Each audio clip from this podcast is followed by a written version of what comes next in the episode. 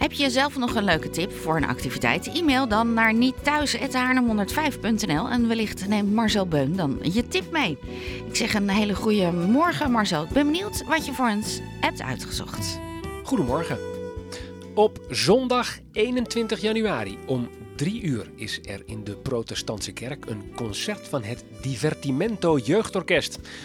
Zij spelen De Winter van Vivaldi, maar ook De Winter van Piazzolla. Verder is er de tweede Hongaarse Rhapsodie van Liszt en ook muziek van Brahms is te horen.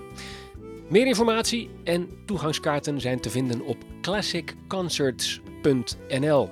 En kinderen tot 12 jaar oud mogen gratis naar binnen. En diva's op stal zijn terug.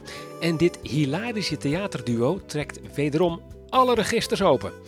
Scherpe sketches, mooie songs, te gekke dansjes en persoonlijke anekdotes passeren de revue.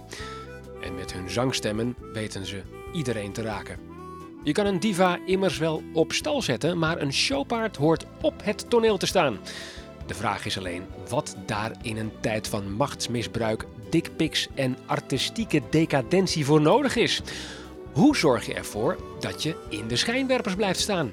Audities doen, op je bek gaan, volgers genereren op socials, trouw zijn aan je fans en hier en daar wat aan je uiterlijk laten doen? Het blijkt allemaal niet voldoende. Toch maar een wurgcontract tekenen of naar bed gaan met de producent? Want niemand zit immers te wachten op de WW. Diva's op stal. Zaterdag 27 januari om half negen. Meer info theaterdeliefde.nl Dankjewel Marcel Beun voor vandaag weer.